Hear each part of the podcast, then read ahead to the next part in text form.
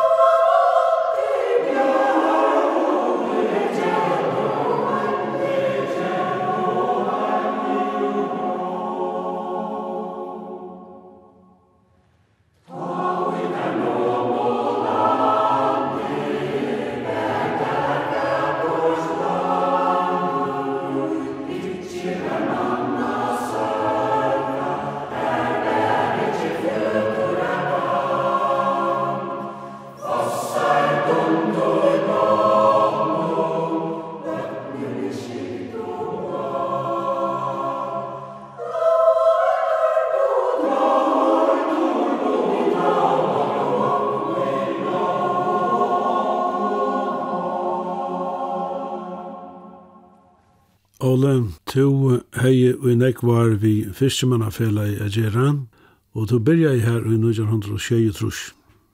Det så da at så gøtt med vår så hei man en naturlig AHA for fiskemannafela, tog jeg at søvan byrja jo i gøtto, 1922.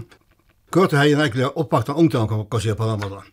Og her hei man en bølka unge mannen, dronjon, som kommer saman at løysa dagsens tubløygar. Og det var sagt at det fela Det er så hulsliga fyrir seg, at det ble kallet for hultefela i, i middelfolk. Og åtta de tingene som tog opp, det var så vattenvøyting. Nok han som var inspirator, gav uiblåsten til det her, det var som Paolo Konøy, som var, som navnet sier, Atavar Kone, men som ble lærer i Gøte i 1904, og som var i Gøte så alle sina tog. Det var så sagt nek samfunnet som vi kjente tisen opp, for jeg røyere fella var stavna i 1908, for jeg var samskip av sottmallene og fiskvinneårsene. Ta kom hodskott fram om at få stående et fiskvinnafelle.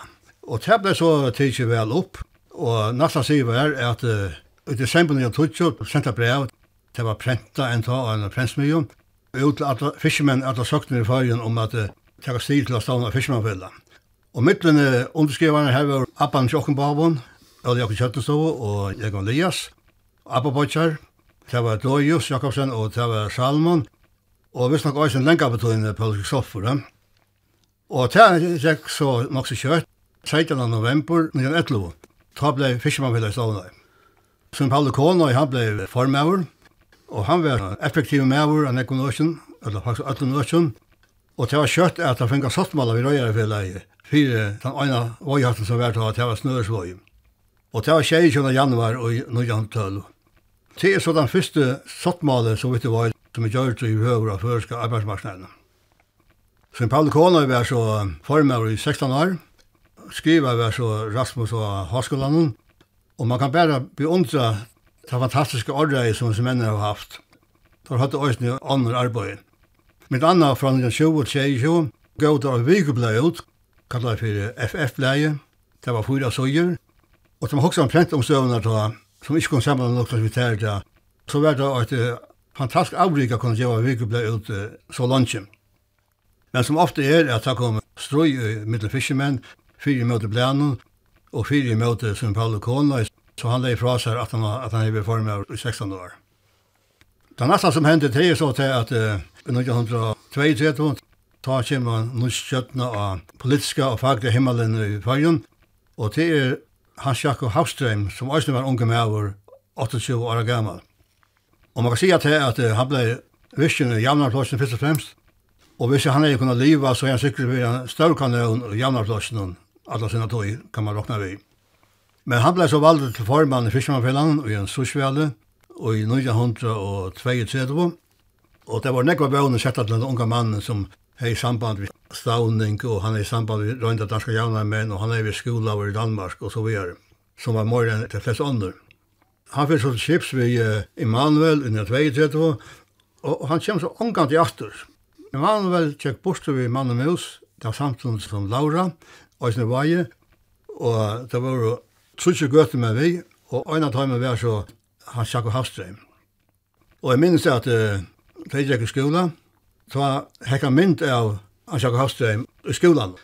Ta hei en langt hen til lunsje, og ta fikk man sjálf ikke vite om denne mannen som fikk det syrkliga degen og så som jeg var forvantningar og sette til. Jeg kjente mamma Sara, Mio, som var slektor havn, kjent som den første som er orsapott i Gøtu, og hun ble 95 år gammel, og vi ble tås av ofta sammen om uh, hans jakko. Hon sier fyrir mer og enn at hun sier vi var sikta og færdig kjast det nu du finner det gøy jobb, så skulle jeg si at jeg, at jeg må fære mamma, sjått om jeg ivestod om jeg kom i atter. Ofta høyde først sånne anelser, så ofta ting i opphittelse. Men alt det jeg gjør det så til at jeg fikk AHA for samfellags og fiskemanna vi i skiften, og jeg sitter opp til sysselfarmans vel. Det er sånn at det var valgtor og en nevndalim i forrige syssel, og det ble valgtor i Ura Kvøvo. Så jeg ble valgtor i 1926 tog vi i tjejtrus, og jeg sleit faktisk Fredrik Hansen, som var garva politiker og fiskemann med var ut. Og ta var det så bare tvei kjøra gamla.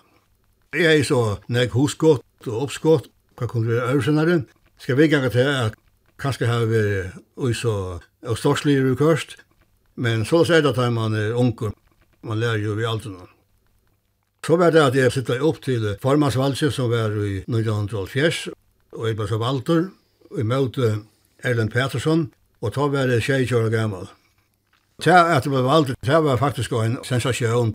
Tror jeg vann av Erlend Petersson, som akkurat har jeg haft et rimmervalg til Løktinge i 1970. Han har vært i politikket før, og var oppsittet av samtidene, og her var han faktisk ikke aftervalgt i 1936. Så nu blev han slått till Solsheim och till Lukas vel, Han kom in och tänkte og och var tänkte til han døye. Ta kom jeg så av flytta til Havnar. jeg slått inn i barndomshem med mammaene, og her bygg vi så enn. Jeg har faktisk bare bo i 20 år i Göte. Og lukka vi råkning med som gøtemann, og til halde det eldre gøte og æsne gjerra. Men sjálfsagt, jeg har sørske røte til havna, og jeg er lukka nek havna med oss som gøte med oss. Så papen min har æsne røte til havna. Da jeg kom nevnt her, da var jeg ikke fyllt litt nek yngstor av dem, og Fredrik Hansen kom så inn til nevntene, det ville de gjerne, og han ble nattform over, og han var tilkommet med over til ham. Og så var det Dia Høygaard, tar bare vår kvar, at han annan nattformen, at han Dia var det så en i Hansen og Ørebakka. Dia, han var en helt spesiell medover så utrolig underhaldende. Han kunne i tøyma vårt fortelle søver, og han var så hytten åra som nekka kunne være. Og det var, det var skått at han kom til svære atter. Jeg hadde ikke fortelle til hver om tid, at det viser hvor stort det kan være i fiskmannledan. En mann og morgen skulle vi forhandle ved Røyerfellet, Osmond Jusin som var uh, formøver. Og så sier Osmond vi det, det er det jeg vet ikke om nytt i morgen. Nei, det var ikke nek, men i var så du og kona lortet etter Monte Carlo, evangelisk røttene. Og her taler jeg formøver Røyerfellet. Og det seg kona vi med 18 år. Det skal være mest litt hvis jeg som er forhandler vi. Og ta var jo tøvende anslingen, og det enda i øyne vel. Andre sjøvn det er, alt kan enda, øyne for høyne sjøvn og det innevist. Nei, nei, her var fullt. Så sier han til, ja, men jeg kom i Fischmannfjellasøren til Launar, så måtte man kjøpe just i havn. Og så må jeg få innevist igjen. Nei, nei, nei, her var så smekkfullt. Men så må jeg si som det sender skriftene. Han kom til sitt egne, men hans egne tok ikke imot ham. Og ta var lese leie, og det jeg fikk alltid plass av Kjømann som 18 av Så må jeg fortelle en annen søva til at det er for landstuen 1995. Så at jeg skulle være der, og så skulle jeg komme atter i fyrstmann for deg. Så en av det var med vi løya, så sier han med deg, Så jeg er aldri satt kom den». Nei, sier han, «En sitter han som svunnen». Viser han til frasøvende på Bibelen om den av sånn. Men eh, annars kan man si at det at eh, jeg var sammen med Nekko Månen, og grunnleggjande var alle kilamenn, og til vi rykande og vi som ikke har kunnet kjent alle disse mennene. Jeg kan ikke nevne nærkere tog jeg så gløym i omkran, men det skulle røya og ha takk fra meg. Nekker av dem er dreier. Kan jeg nevne ta formen som jeg har haft via djere røyrafillen. Det første til var, tror var nevnt av dem til Aksel Hansen, Kjøpel Hansen. Og så var det Sven Tholesen. Da jeg var nøyvalgt og hadde sottmannssamlingar vi røyrafillen og ta Sven Tholesen for meg. Og særlig minnes jeg Sven Tholesen for åkt som gav meg godt inntrykk av honom. Det var tåla seg at det var så i 81, at alle saltmalene ble omlagter, og det ble utdrokna og på kraft for å få det rett. Så får vi til at han til at i en saltmala, her var en roktefall gjørter, som vi fikk 8% for løyte. Og så følte Solesen i kardemina nei, han kunne godt sagt det, skrive, skrive, og så og tog om det. Men da sier Solesen til, nei, nei, er det roktefall, så skal han rattast. Og vi skriver under at det skulle være 10% i hakre som atlan var alle tøyene. Og så var det, jeg minns ikke restvilsene, men Einar Jakobsen var formøver, og Osmond Jusinsen var formøver, og Jakob Sjølstad var lunsje, og så hadde vi i Bergsjøren som var også formøver, men jeg var. Til halte vi grunnleggende så heimann og litt av hver nøren, så kom anker fire av vi at han kom i oss og hva det var som vi hadde avtale. Da kunne det være at åringene kunne miskyldes, men vi visste at til at jeg hadde vi avtale, og til at jeg hadde vi til åkken til. Og til at samrådast om sattmalar til fiskemannen, til er nok snakk øvelsenare enn er sattmalar. Her er tala man løn for en tøyma eller for en manna, og så er alt ganger ut fra tøy. Men til fiskemannen er det sånn som man kan ertala et byte. Men skulle hava så snakk prosent av tøy som vojan djevor. Og her hava så bare parstar, mer enn i ørenføren, felas av hamal, og det er jo for det første å få mest mulig for fisken og minst mulig utdrøslen. Så det som skal bytas, det som er i kassan, ta i inntryknar, er komna inn, og det er fer ut at som man betaler fyrir på fætter i veivirnen. Og det som man også skal hugsa om til det er at selvfølgelig skal man hava best mulig av sattmalla, men han skal også være så mykje gauver at uh, røyan skal også kunne klara seg, eller blir ikke drift. Og han skal helst også kunne enda nukja seg. Det er sånn på landsugongt, men det er godt dømme om til at at prosenten ikke avgjerde til er oppskjøvaflåten. Da man startet ved kraftlagarskipene, ta var sottmala prosenten 6,5 holdt til landboddes. Så kom større skip, som var nekk mer effektiv, men det kunne ikke klare seg ved de sottmalene. Og så ble det 20 prosent. Og det visste seg at det tredje kjeld ikke. Fyrsta skipet 20 prosent måtte være urat flåtanen, og den neste måtte være husageng. Og det enda vi 16,5 prosent, som er det lagsta prosentet i sottmalene i høver. Men til er det å si at til vi er en guldgruppa som ba om pørsten. Man kan si at bei røyere og fiskemenn har patient nek. Røyarna kunne enda seg skipene, og nu er jo skipene man kan etla samme lukna deg vi nekka som helst. Det er som luksusleinar, kan man godt sige. Vi ötla møvlig facilitetene på bei venningarhøl og tøylut. Men det var så finnes nek anna som også skulle gjøre. Det var særlig kreppene, og stola nudjon vøy i hattun, Og det var mer at om det kreppen et kram til han røya seg om at han hei en torska trygg på det, at det ble tid å fiske svart kalva ved gøtten under føyen. Arne hei man prøva haft taskum. Men han fikk ikke futsing. Bakkan hadde jo lukka fire. Så satte vi fiskmannfellene at vi skulle futsa kjeipi av gøtten. Og det ble så øyne en suksess som stadigvæk livet så sunnaløyvet den veien. Så man har også gjort til å få gongdater og få effektivisere skipene vi satt Svartmalen. Ikke alltid vært så populært at det var minket prosentene, men eh, sist enda hefði ofta givet mora bursur. Og at dømes, da kreppa vær, løyda man etter hver en håndstøy, og et hoskott som vi finner i Ísland, det var eh, Egilskjær, som man tog kunne gjøre penger. Det var rundt røyntur gjøre Íslandet, som var og gengna vel, og Íslandar kom til fyrir at uh, gøya fra, og da hadde et konsept som da ville selge fyrir, og da ville ikke fyrir kunne kan lea Og det ble også byrja vitt og det starta også med Stinsen vi i Høsvik. Men det rikka ikke ordentlig, og det var galt vi transporten, men det var også røynt, og det viser at man har røynt å få tingene å fungere, og få simpla vinnene. Alt som vi er i Trentna, det var å kunne få ordentlig haktull, så man kunne ikke argumentere, bare si at det gonger hunden til. Det som kunne gjøre inntrykk, det var at man kunne leggja tølene på bordet, si at det Og så la og så la løs gong til fiskemannen og fiskevinnene. Og det ble så gjørst det nekka de første årene. Det var egentlig primitivt å begynne vidt. ta var det gjørst vi penne og roktmaskinen. Så det var det telton, det gjør det så fylst til denne nekka. Olaf Jansen, som er arbeidet av Hakstående, kom så arbeid i fiskemannfellene. Vi arbeidet sammen 30 var, og det var hans av for det praktiske arbeidet vi Hakstående, som var et år fremme for et allmenntøl. til avrokninger kom inn så kvørst, Så skulle man langt og, juni ma til åpel per 1. juni veintekan til og til. Og Olaf er en donalige og høyre medover, men han sier sin mening til Gjørgen Asjø med, men han døg så til verre alt for tøyde i 2012. Det var ikke nek verkfødel i fiskemannafellene i Tunnartøy? Nei, det, det var det ikke. Det var en av verkbaden, på røya i leiflåtan, og det var denne vikum. Og så ble det Lars funnet på det. Men så når jeg først var det verkfall som var denne vikum, Og jeg må si at, det at så fagfellar som jeg skal omgå djeva følelse for forvantningar. Man leik ut vi om krøven, og menn vant av nekka nek på sjortøy. Så var det bare at han og tøyna gav ikke omstå til det. Men at han at vikna, så fikk man sendt et oppskått ut til orakrøvu, og det ble samtidig. Annars har man alltid rønt å få semjo, og i alle frialighet, og i særkla diskusjon. Det har sjálfsagt ikke givet seg over i men jeg vil si at, det er at bægir innan sottmala økje og innan fyrir andre økje hev til a kivi urslit. Einar fyrir er det eit sjómannaverkfallu? Ja, det var sånn at fiskmannfella i Brunalia var bare eit fela fyrir fiskmenn. Men et hånden så fikk man en flåte av farmaskipen, han var ikke glad større, men det var nækker. Og her var så andre sottmala. Det ble avtaget lønner mellom røy og røy og manning, og til lønner var hvis jeg ikke ville vanlige. Men så hendte det at EU-mannafellene for at jeg satt sottmåler for EU-mennene ombord, så la han nok nærliggende at fiskemannafellene var nærmest til å gjøre noe for dekkerne.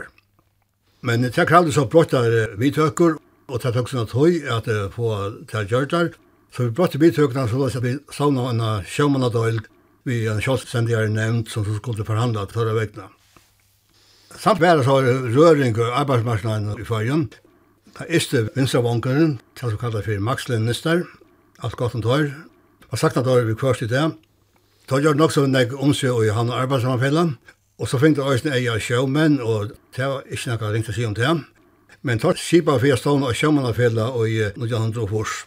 Men det var en viss rør om det, og det var ikke alle sjømenn som helt det var gøy det, vi tar en bergmannen som tar vøren.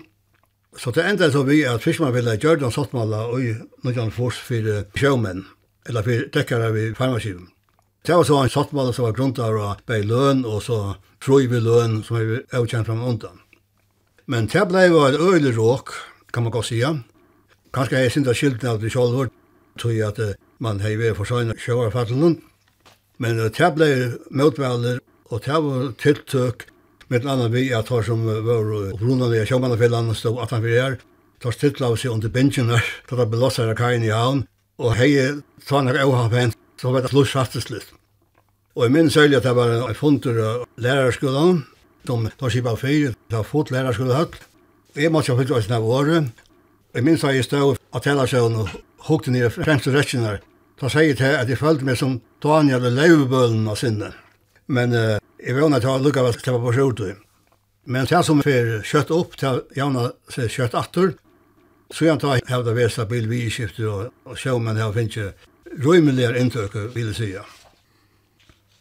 Eit av tarmamalen som hever allermest diskutera og i fyrstjevinnene til studningsskipene her. Ter høyde tid eisne nekka vi gjer. Det er klart at det var opplevd en større parster av visshjemmen. Det var å få mest mulig av studning. Og det var jo en høybor av studningsskipene vei til fyrstjemmen og røyere. Og landet helt man til at det måtte bare være så. Inntøkene var så, så prisene var så, så, og her manglet jo i. Og så måtte allmenn betala til som manglet jo i. Og så er man fiskvinner da, kan vi også være vi, og her eh, råkna man kvart år ut hva de stortingsserveren var. Og så kom man fram til såsleika med løvner, og det ble så det som ble samtidig av hodja løvner. Det er jo nevnt vi bergklagskapet. For der ser man til hetta var planøkonomier som i Russland, for sida populært, alla ringa til hatt. Og hetta kom først og fremst søndar i Ravska nevntene, sånn i Ravska grunnen, Og det var så at var så grunnen heimann er hver viko, og en utdragning av hver vi visste skulle betale for fisken. Og her råkna vi vi som vi inntøknar, man råkna heim hver vi fiskeren gav, og så trekk man fra arbeidsløner, og så det som kallar for skiftsavlo.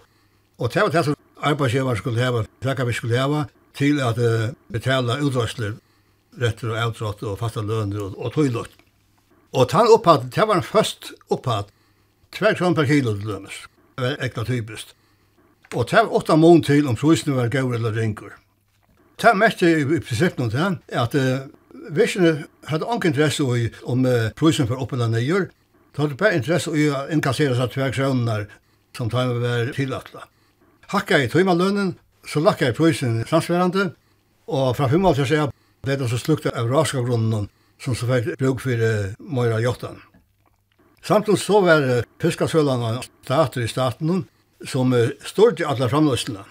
Jeg skal ikke ringe seg fiskasølene, det var sikkert bruk for en tann, men det utviklet seg på denne maten.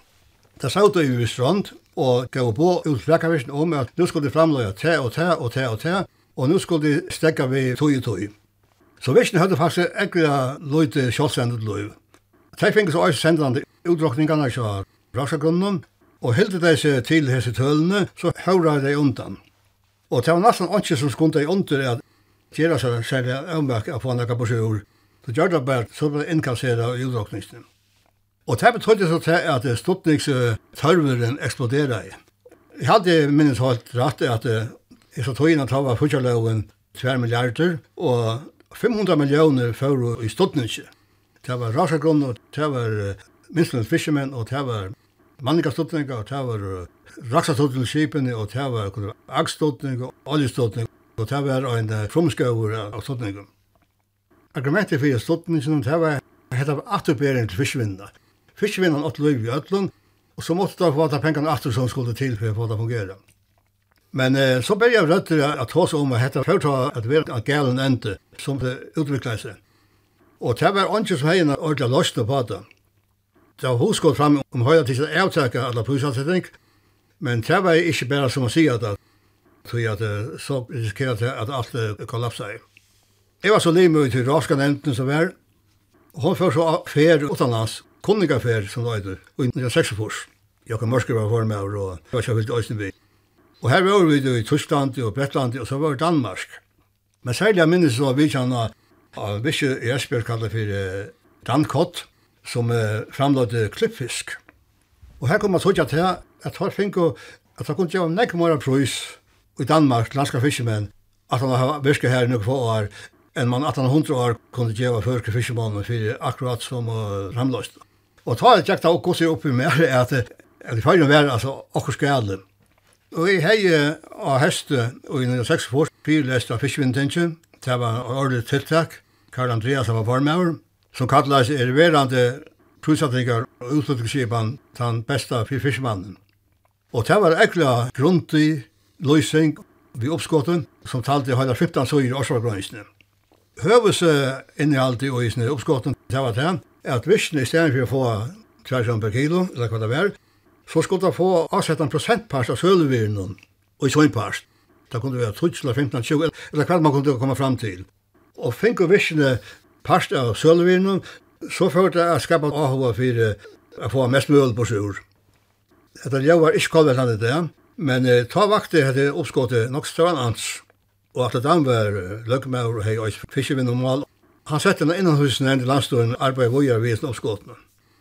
Alt vi allmenn nevnt henne til trekur lenga tøy, og hon kom at han var nok så trygg var tøy vi en oppskåte, som var rundt og, og mot oppskåt, at vi skulle få x prosent av uh, ryrnum og fiskene i søgnpast. Men ta er da, det kommer for gud, det kom kreppa, og det kom pruskkreppa, og vajekreppa. Transipan kom så omgang det ordentlig fungera, kan man godt sija. Men uh, er skapt en diskusjon. Og nu gjennom fremst, da ble Ølskipan enda vent, med anna vi avtøk av uh, rasjagrunnen. Men det som så også hendte, det var til at uh, ta fram man alltid til av gamle prusasittingene, som vi nevnte Janne, og som var en grunnleggjant årsøk til uh, til vannlokene som vi var kom nå i. Men fiskmannfellegi og med en utrannmannen, ta nokta å velja limer og nevntene, så vi møtte til at nevnte til at Mora skje en gang. Og ta nevnte kom så omgang til å fungere. Ta bedre jeg en holdt fri kapping om fisken, som ble stimpra av at allmennene tjokk lønne grunnen, sette jeg en telefonoppsøl i gang, og det var private aktører og fiskmannfellet som kjørte en oppsøl av toften, som grunnlig grunnleggjade er til. Og samtidig hendte så øysen til, som om stola i så gongtene, det var til at etter dansk og båbån fikk man fyrir fiskarvisking og skipene og visking ble sånn skilt. Så det sier at det ble grøy måneder mellom kip og visjer. Og det kan man godt si at, at det som tar hendet, det var å futja litt under. Ta jeg tatt nei så fink og fiskemenn, hakre priser, nu utan ståttning enn fyrir vi ståttning. Ståan er så prøyt atter Men til er sånn holdt annet søva. Hetta gjør det så til at man fikk ordna seg ned i stortningen, og i det er så største anståndning som det er fiskevinnet. Det første møte er at fiskevinnet betaler hundrevis av millioner inn til det allmenna. Så det kan sies å være en ordentlig kolvelting av tog østene, som er så har vi vidt til å oppleve og kanskje avvarska senterøstene. Ta og i danske myndelagene hadde lagt opp i de fortsatte virkskiftene i fyrrjøn, Ta våre imisk mal som vi vukte fiskevinnene av loftet, med landa kvoter og tullukt. Og tid hadde jeg snenne mening om det. Det var sånn parster av sin, det kom satt til avtale med det Danmark i samband med kreppen da. Men åtta krøven, det var så til at Danska kjøttene forlanga i, og føringar skriv under på, på en kvoteskipan. Og sjålsatt måtte okkur gjerast. Men uh, det visste seg at uh, kvotar er egentlig ringt at uh, handheva og i blandan fiskskapet, Og det var man høsfiskar en tvøyen ta, det var blandinger av tosk og hyso og oppstak av trålaren, og så Øystein Brosmo og Longo Kjallonskibon. Og så var han at, at det var ikke tosker å få. Og det var nek minne tosker å få enn det fiskeringar satt og var til. Altså, gos er ovist av er vi stånsmetningen ta, kan han nevna seg dømme om, og til til at i 1992, ta møtte fiskeringar, holdt ut av årsenda, at vi fyrir til Aria fiska 20 000 tons av torsk. Men det avtattene var det bare 6000 tons, selv om det var større orska som fiskar i. Så det sier nok om det at det var hvordan mindre få en fiskeren kan høyde mett, men uh, tog inn at han har vist til at fisken fiskeren kanskje var til å lugga vel, men det var bare ikke fiskelyr. Og det var ikke fragrang om hva det var så forferdelig vanlig. Men uh, så kom han kvotaskipan, og hun var så grunnt av det at det var uh, løydlandsje tosker, og kvotan var løydlandsje av tosker, og, og det var nok snakk oppstått da. Men så hendte det, det var tatt han sangen, men her vid var vi, og jeg tykker vi, jeg klappt jeg så kom torsken atter, og det var nekk mer til at torske enn kvotene forutsettet, og da i torske kvotene var oppfiska, så måtte man faktisk stekke opp av fiskehøyda tidsje.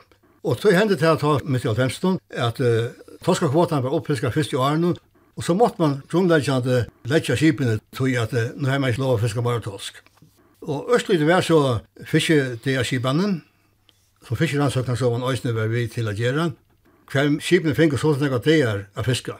Og det var råkfiskarøy i fløy år, men nå er det så at så vi enda endetekka seg, at han har flere år, i unge torsje, nå sier man til at det er fullt av torsje. Og den torsker som er til nå, han har så øysene vi til i fjør og fyrre år, som man sier han ikke var til. Og man har så omgang finnes det noen ordentlig fragrøyning om hva årsøkene er, og kan man ikke forlange til som er i hevn og er ringt av siden. Men man kan si til at han nærmest har kommet en fragrøyning til henne ikke Osmund Josinsen om El Niño, streimen.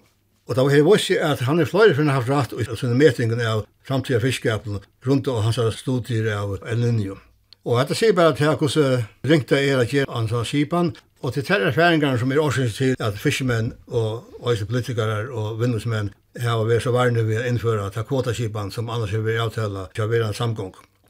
Ole, to verst eina fyr og i hese togene i hotna tøkene vi danska forsattisraharan, Paul Dyrup Rasmussen. Det var så om inntøkutryktene til Fiskemånen, som uh, opplunnet kom uh, gilde først i Altrusjonen, og som tar var av største framstid, og som så har utviklet seg gjennom årene. Ta hendene fra Birger, ta man minst lønn, og sverre til en manerløn til arbeidsmannen nøklunda. Men fyrir tredje det er sjøvnum, men arbeidsmannen fikk sin lønn for 20 dagar. Så det sier at a minsta løn, hun var nøklunda tvartsinga av en arbeidsmannen per dag. At jeg tror jeg så lett ståttninger, kiloståttninger, men han gav som minst til lakslønt og motsatt mest til det som var hakslønt. Jeg fikk så til hoskått at jeg kunne gjøre det motsatt. Så la seg at man gav mest til tar som fortjent og minst, og jeg sa bare så det falt bort til som kjente mest. Telt prøvde så til oppskått om uh, derstutning, at det ikke om man har minst lønne, som så ble avslappet. Og telt prøvde så til at fisken var sikker i en daglønn av landet, til å svære til uh, en arbeiderlønn gang åtta. Og dette var ikke fyllt av enklest av framstig. Men som alt nytt så var det tar som skulle kjenne versk skeptisk, men også måtte gjerast, så jeg akkurat så inn at det var ta kreppa var ringast, ta for inntøkken nyer i jøknum på sjálf minstlønna, kunne man så ikke livet av. Jeg minns også til at det var løgneskip for satøyna, hver eneste tur var under minstlønna. Men det her, det som vi kallar for drastundingur, det var så størst framstid. Det var positivt til inntøkker som arbeidsmæver her finnes, og arbeid der snakker vi. Og så er det 1992, så er det bakkakreppan kommer, oktober, og man gjør det avtaler. Mer da var så løgg med å ta, først i 92, og tom og oppfylltjant avtaler gjerast. Så første avtalen, 93, hun var gjort 1. februar. Og her var så en setning som det var således, at landstyret konstaterer at det er taget initiativ til inntektssikringen for fiskere, så den utes ut fra en samlet inntjening.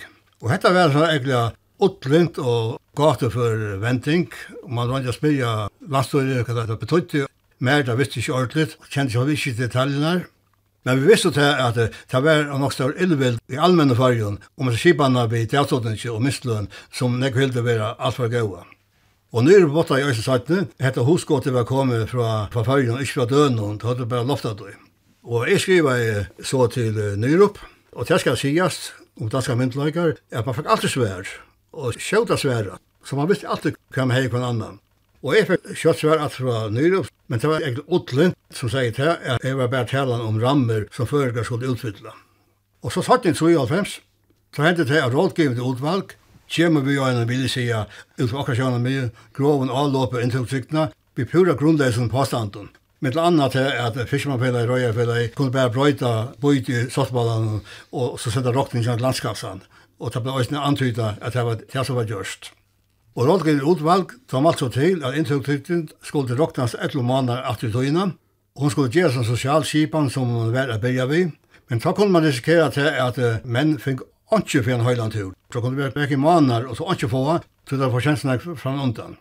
Men dette var så til samme som uh, ble vist til avtalen mellom Danmark og Førje fra februar. Og jeg får ikke fyllt til penden, og her har vi gosset ved kjøter. Konan ble flenne at det tar jeg at brevet kom fra Nyrup Den er hei langt å skrive brev atter. Men jeg brukte høyla tutsi søy i Ørsforgøyensin at jeg avvisa rådgivet utvalg for manipulasjoner og bollar skøyløykar. Sendi jeg også drikka kære til Nyrup om arbeidshotten som han nevnte. Han eh, sverre meg også etter her, sier til at han er sendt til Peter Andersen som var formøver, som virka ekvillig arrogante, må man sige. Og sjålsatt helst sverre jeg etter. Han kom også når han feier, og jeg får ikke funnet vi noen, og det er også kjørt at han leir fra seg. Men i mer alt det henter, så avtalene stener om at ikke henter. Så 12. oktober i 2005 så har vi alt gjør en avtale, og her vi skøyt øy, at her har vi regulerer det skulle hente enten utgangen av 1993. Så nu var det altså atter uh, mye utørslet, og man visker det dreier seg om, og jeg skriver i atter til Nyrup, og med det var innblanding i førsk intern vidskifte, og så visste jeg at det er satt man var tredje av inntøkutryktene. Men eh, ta kom også oppskått av ting fra landstøyene, som eh, faktisk er samsvær vi til som rådgivende utvalg har malt til, og som også var faktisk er som stod i ESE-avtalen. Men eh, vi gjør det vør, en øyla vør, og protesterer av, og, og så hendte så ikke mer kristomferd. Men så kom jeg til eh, 94, og nå opplegger uh, trus av løkkemann for å få et samtykt som var avtalen, og som vi drakk som en av. Og ta skriva i høyde fyra brød til Nyrop, omframt av Kæro til uh, Folketingets ombudsmann. Jeg kjente Erling Gålsen, som var kjent politiker, sendte en sånne brødene som uh, jeg sendte Nyrop. Og han hette at det var skrappe koster.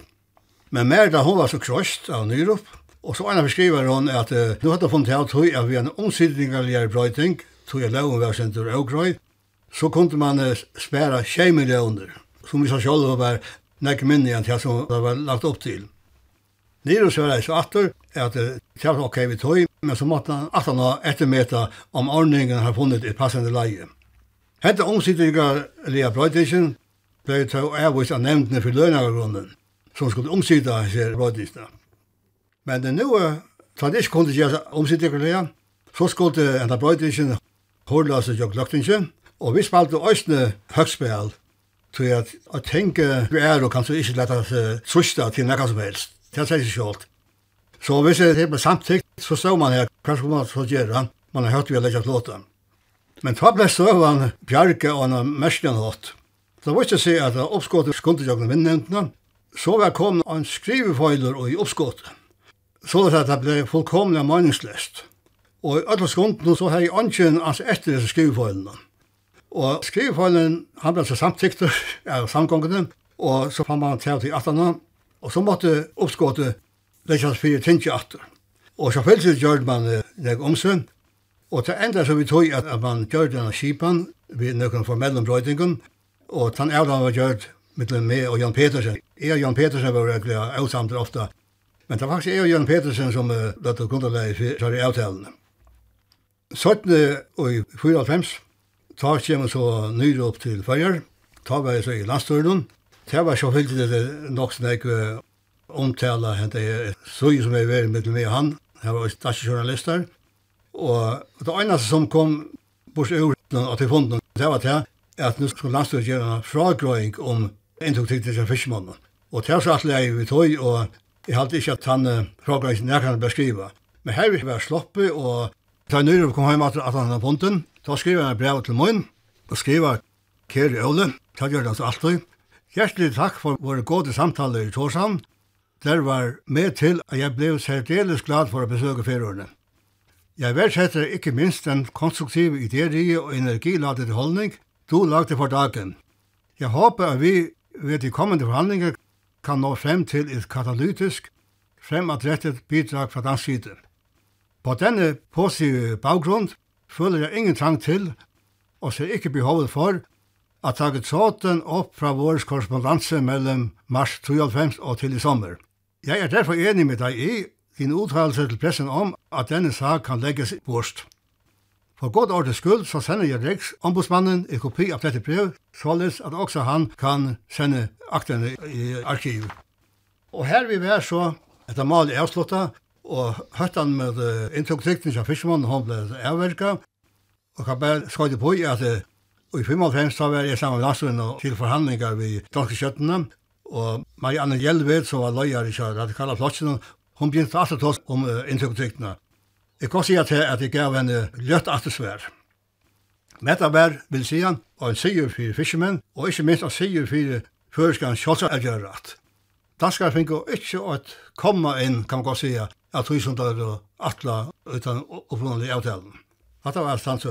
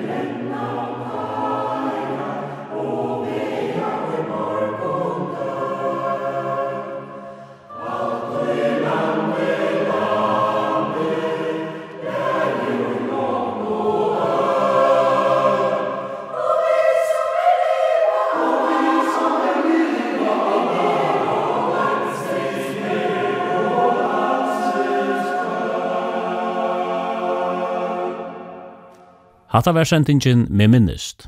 Jeg var narke hitte Ola Jakobsen og i Nora Gøtto. Hetta var ånder sending.